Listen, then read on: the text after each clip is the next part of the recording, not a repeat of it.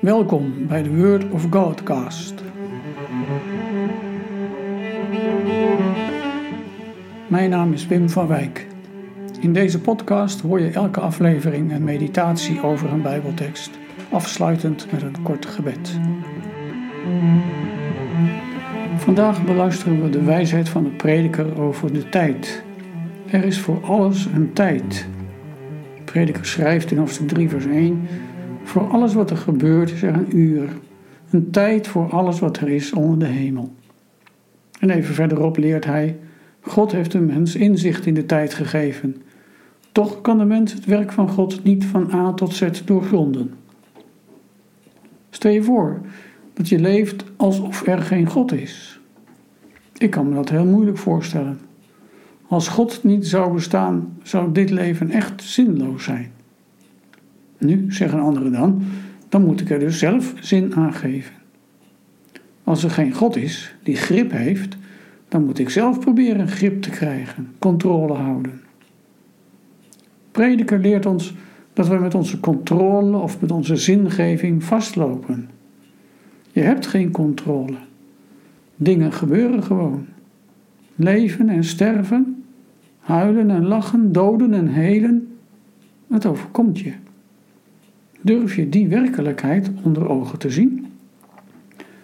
In een kunstig gedicht wordt dat verwoord. Lees het maar na in Prediker 3.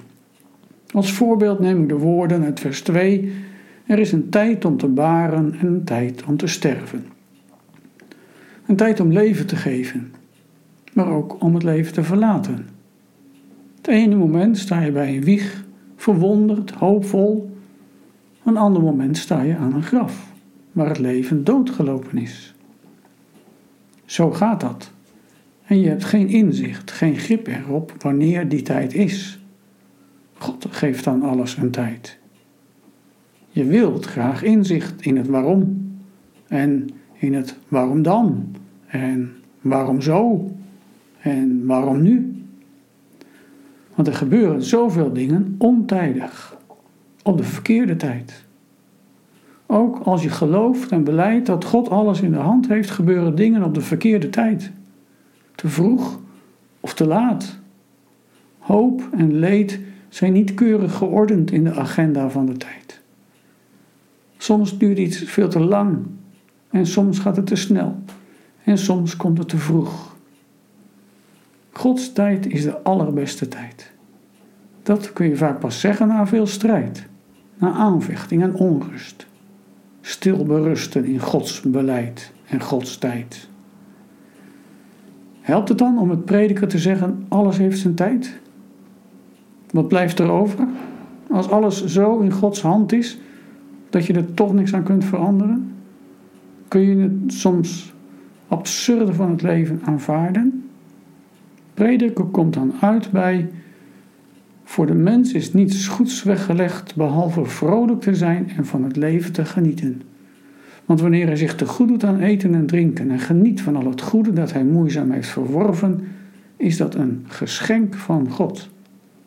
Leven en levenstijd als een geschenk van God. Tijd is een geschenk van God.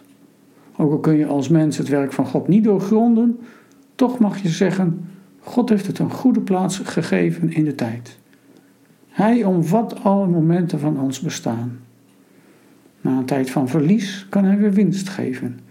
Na een tijd van verdriet weer vreugde. Een tijd waar het leven er weer inschiet.